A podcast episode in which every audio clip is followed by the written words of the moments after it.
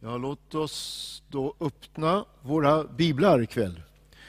Och vi läser tillsammans ifrån Matteusevangeliet, det nionde kapitlet. Och från vers 35. Du som har gott minne, du kommer att påminna dig om att det är exakt samma text som vi läste förra veckan på bönen, då Patrik talade och den här texten lästes. Och vi läser den på nytt ikväll. I Matteus 9 och vers 35. Jesus gick omkring i alla städer och byar och han undervisade i deras synagogor och predikade evangeliet om riket och botade alla slags sjukdomar och krämpor.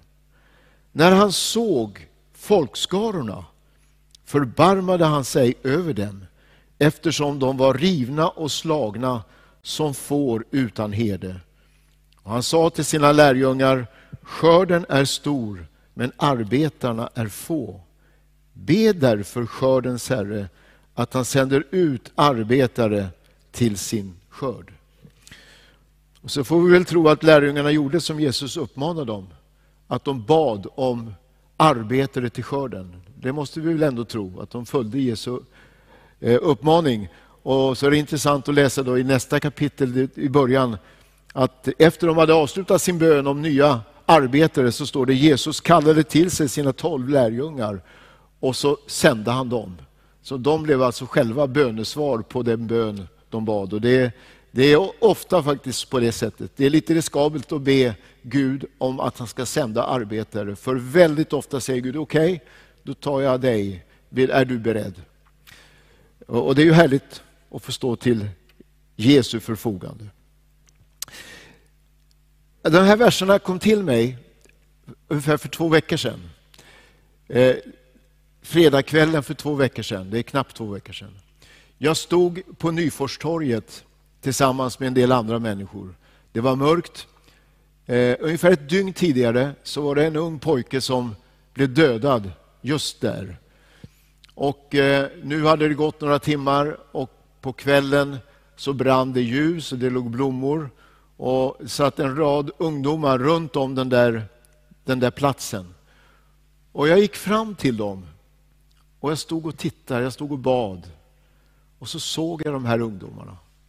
Och då kommer det här ordet till mig, där det står Jesus såg människorna.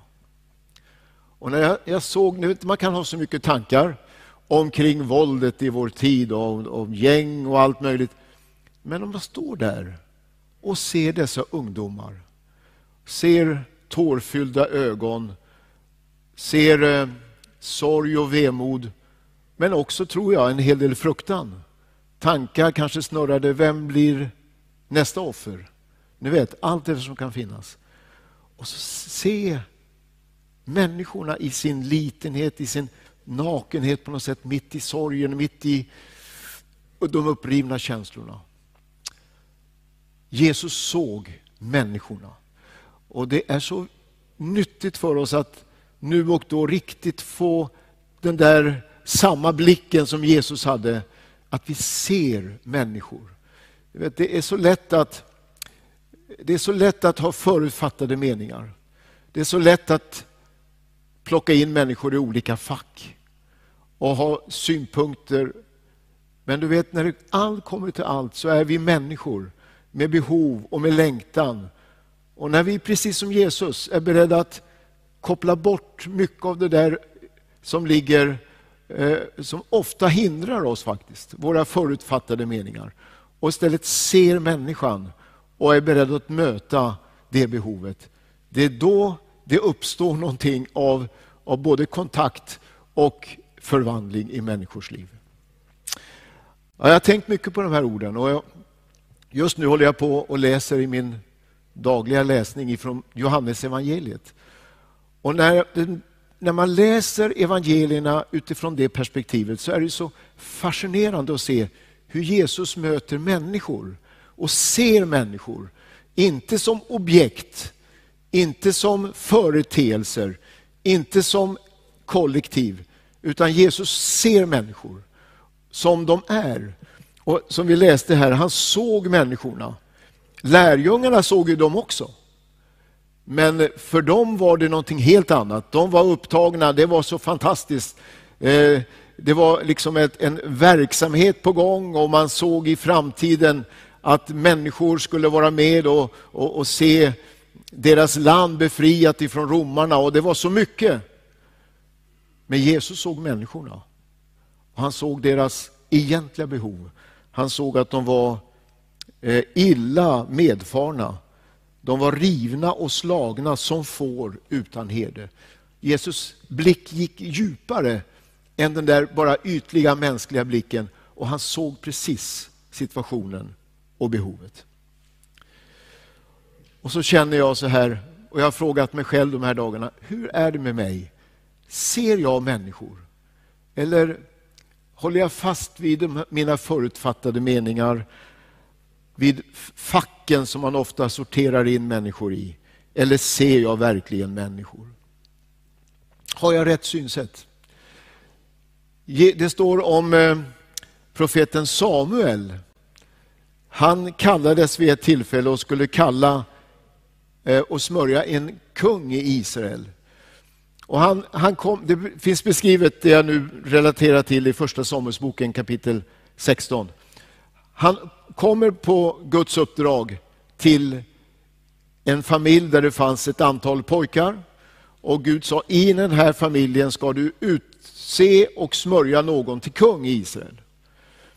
Och när profeten Samuel såg den första pojken som var resligare än alla de andra, välutbildad, och, och, och liksom alla de yttre förutsättningarna. Så tänkte han, ah, han är det. Han såg honom och han tänkte, ah, men det, det är precis det här som vi behöver. Och så lyssnade han in, som tur var, så hörde han Guds röst. Och Gud säger, nej, nej, nej, nej. Jag ser inte som du ser, jag ser på ett annat sätt. Och han blev ju väldigt förvirrad, Samuel. Han frågade, finns det några fler pojkar? Ja, det var ju flera stycken som kom fram. Och han hörde den inre rösten och Gud säger, människor ser för det som är för ögonen, men jag ser till hjärtat. Alltså Gud ser annorlunda än vi människor ser. Så kanske du minns att den yngsta pojken, han hette David, han var inte ens hemma, han var ute och vallade fåren. Och Samuel sa, jag sätter mig inte till bords här förrän han kommer hem. Och när han kommer så säger, då känner han, här, nu ser jag som Gud ser, nu ser jag den Herren har utvalt. Åh, vad det är lätt att se människor på det ytliga sättet, som människor ser. Vi är ju människor. Och det är, det det vi faller ju på gång på gång i den gropen. Må Gud hjälpa oss att vi som Jesus kan se lite djupare och se människan. Som jag sa, jag läser Johannes evangeliet. Och Det är så fascinerande. Jag ska bara påminna dig om några av sådana möten som Jesus hade när han såg människor. Eh, jag tänker på redan i, det är väl i det första kapitlet, då en man som heter Natanael får möta Jesus. Det är en av hans kamrater som berättar om Jesus och tar med honom till Jesus. Själv är han väldigt skeptisk. Och han talar om att eh, Jesus kommer från Nasaret, kan något gott komma från Nasaret? Så han, han går dit med stor skepsis. Men när Jesus ser honom så säger Jesus till honom, det där är en rätt israelit som inte har något svek. Och Natanael säger, men snälla någon, vi möts ju precis, hur känner du mig? Ja, sa Jesus, jag såg dig. Jag såg dig. Innan Filippus kallade dig, när du var under det där trädet, så såg jag dig. Oh. Då förstod Filippus, det här är inte bara mänskliga tankar, utan här är det Guds Messias. Och han säger, du är Messias. Det där är ju en, en kod som vi inte riktigt, och ska inte heller tror jag förstå, vad som, vad, vad som hade hänt under det där trädet. Vad han hade bett då eller vad han hade tänkt, och det, det vet inte vi. Det får vi väl kanske reda på en dag i, i himmelriket. Men Jesus hade sett honom, såg hans längtan, såg hans situation, såg också hans ärlighet och hans djupa eh, behov av förvandling i sitt liv. I det tredje kapitlet i Johannes evangeliet så möter Jesus en kvinna. Och det där är spännande för att det är precis som att Jesus eh, eh, säga, stämmer möte med en kvinna, ett möte som hon inte känner till. Och Det här är väldigt intressant för att den här kvinnan bodde i ett område som man vanligtvis inte besökte. Eh, men Jesus visste, jag ska befinna mig på den platsen, just den tiden, helst ensam, för då kommer en kvinna som behöver mig.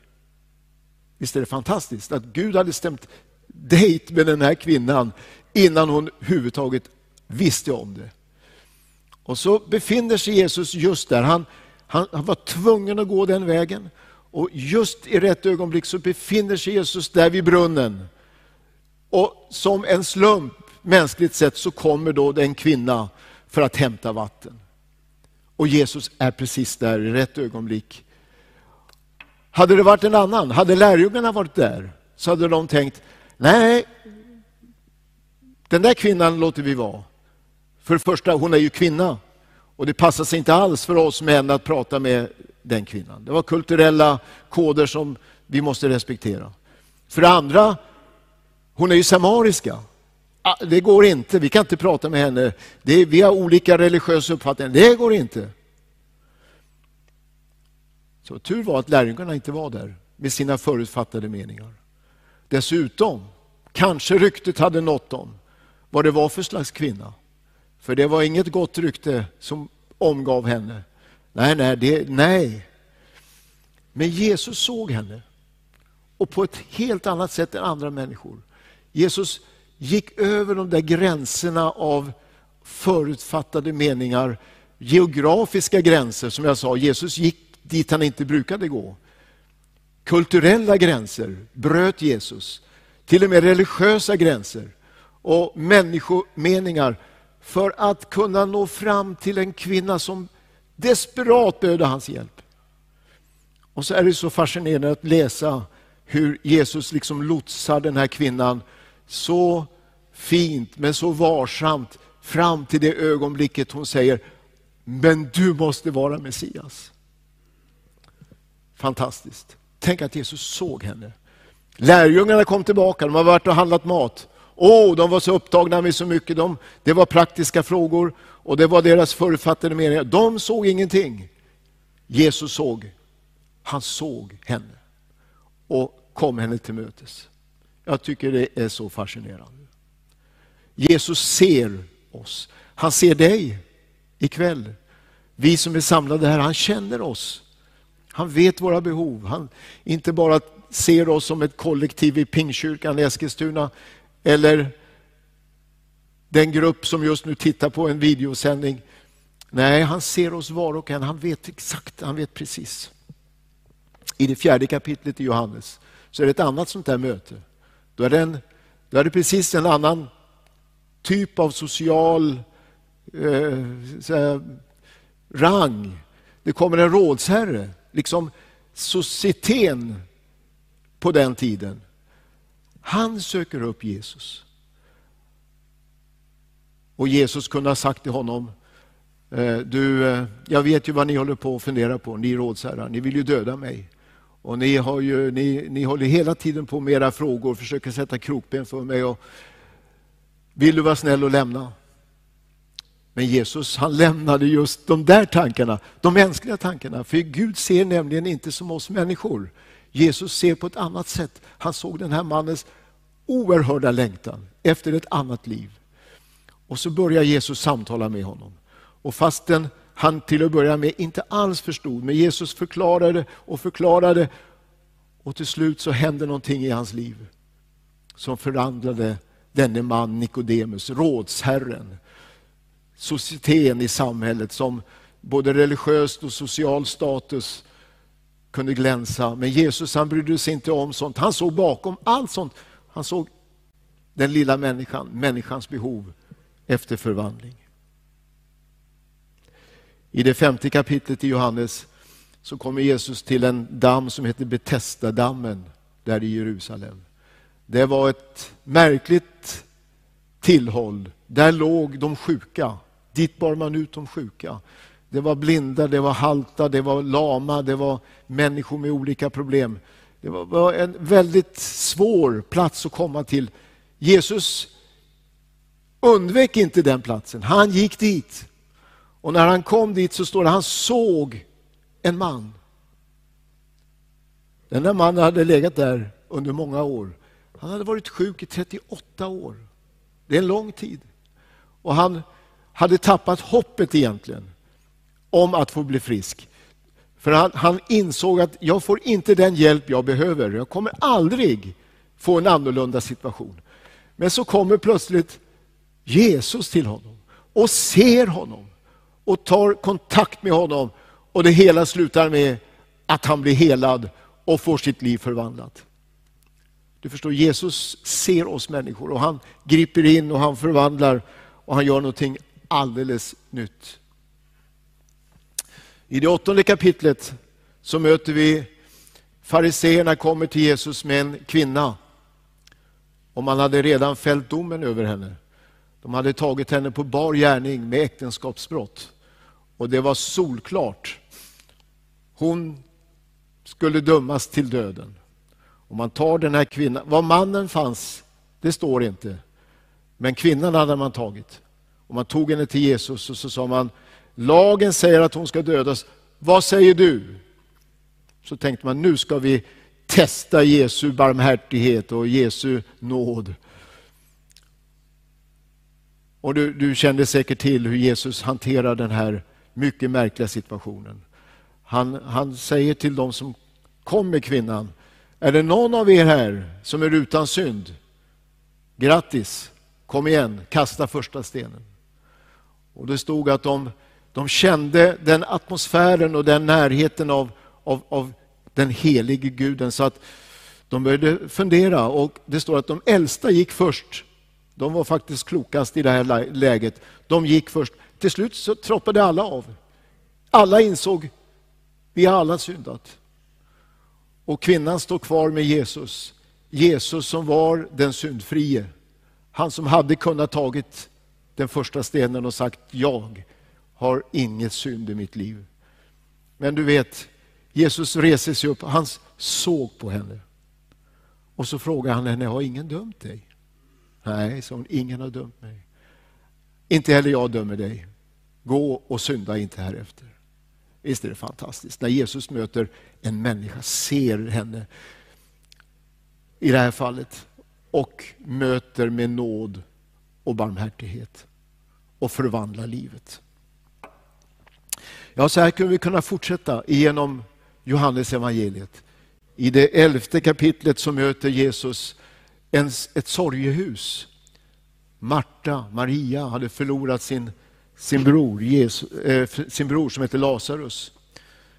Och när Jesus kommer dit så har han en plan. Han vet att det här kommer att sluta med att Lazarus blir uppväckt från de döda. Ett otroligt vittnesbörd som skulle skaka om hela det området. Lazarus som hade varit död i fyra dagar blir levande igen. Jesus visste vad som ska hända. Ändå så står det att när han ser människorna och ser deras tårar, hör deras förtvivlan, så säger inte Jesus, äh, hörni, vänta ska ni få se, lägg av nu. Utan han, han ser människorna i sin sorg till den grad att han gråter tillsammans med dem. Sån är Jesus. En som gråter med oss. En som vet om vår situation. Och så förvandlar han sorgen till glädje. Men det är en annan predikan. Men Jesus såg dem. Till slut, tänk när Jesus hänger på korset. Så upptagen i de där timmarna, så laddade timmar. Han, han led fysiskt på det mest groteska sätt. Han led psykiskt genom att eh, hånet, föraktet bara haglade över honom. Och han led andligt. Därför att under de där timmarna på korset så står det Jesus blev gjord till synd. Han, all synd lades på honom och han, Han led, den rättfärdige Gudssonen led.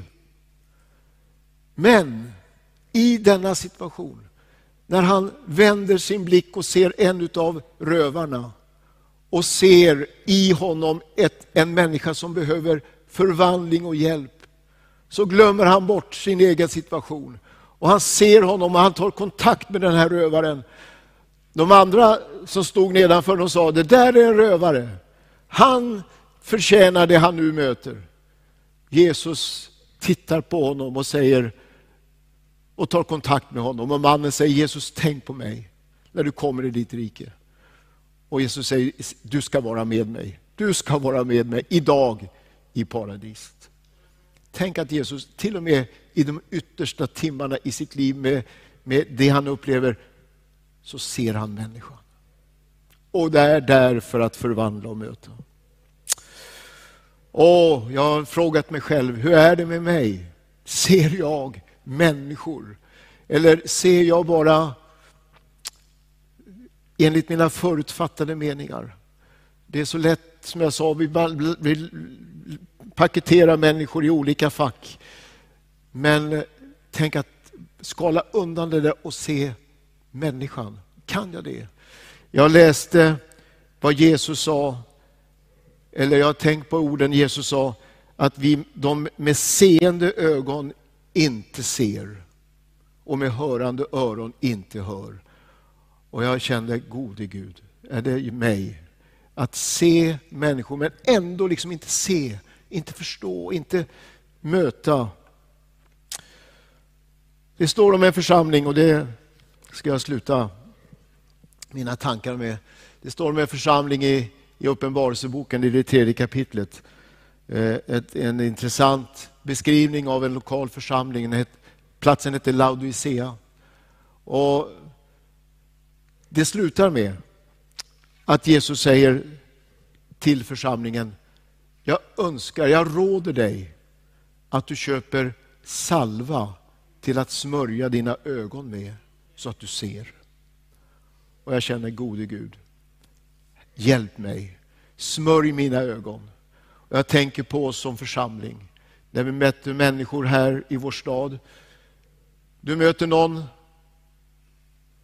utslagen nere på parkbänken och du är spontant, man tänker oj, men se människan. Och se människor du möter bakom försöker tränga in bakom det där yttre och vi försöker lägga bort våra förutfattade meningar som vi så ofta eh, präglas av. Och må Herren smörja våra ögon. Och när vi talar om smörjelse i det här fallet så tänker vi på den heliga Ande, den heliga oljan som förmår faktiskt att öppna våra ögon så vi ser människor omkring oss. Se människor med barmhärtighet och med kärlek och att vi som Jesus, när vi ser människor, ser en mogen skörd. Skörden är stor och mogen, människorna är få. Och där i, utanför Sykar vid brunnen, när människor på den här kvinnans vittnesbörd kom ut och mötte Jesus, så säger Jesus, redan nu får den som skördar uppbära sin lön. Skörden har vitnat. Lyft upp din blick. Lärjungarna gick, de såg bara precis fläcken framför sina fötter. Jesus säger, lyft upp din blick. Titta, se. Se att fälten har vitat. Se människor runt omkring dig. Jag predikar till mig själv ikväll. Och jag hoppas att du också tar till dig och att du ber Gud om att ha, ha ögon som ser människor omkring dig. Det är inte bara din granne du möter, det är en människa. Det är inte bara en skolkompis, det är en människa. Det är inte bara en kund tillsammans med dig i affären, det är en människa. Låt oss se människan. Be till Gud om ledning att kunna i denna eh, vetskap också få den kontakt och den visdom vi behöver för att kunna komma människor till hjälp. Ska vi be tillsammans nu? Herre, jag tackar dig för att du var där och du såg människor i deras situation, i sjukdom, i sorg, i nöd av olika slag. Tack Herre att du hjälper mig, du hjälper oss alla. Att vi lever sådana liv att vi ser människor också i vår närhet. Och att vi finns där med ett ord ifrån dig, med hoppets budskap in i en hopplös värld. I Jesu namn.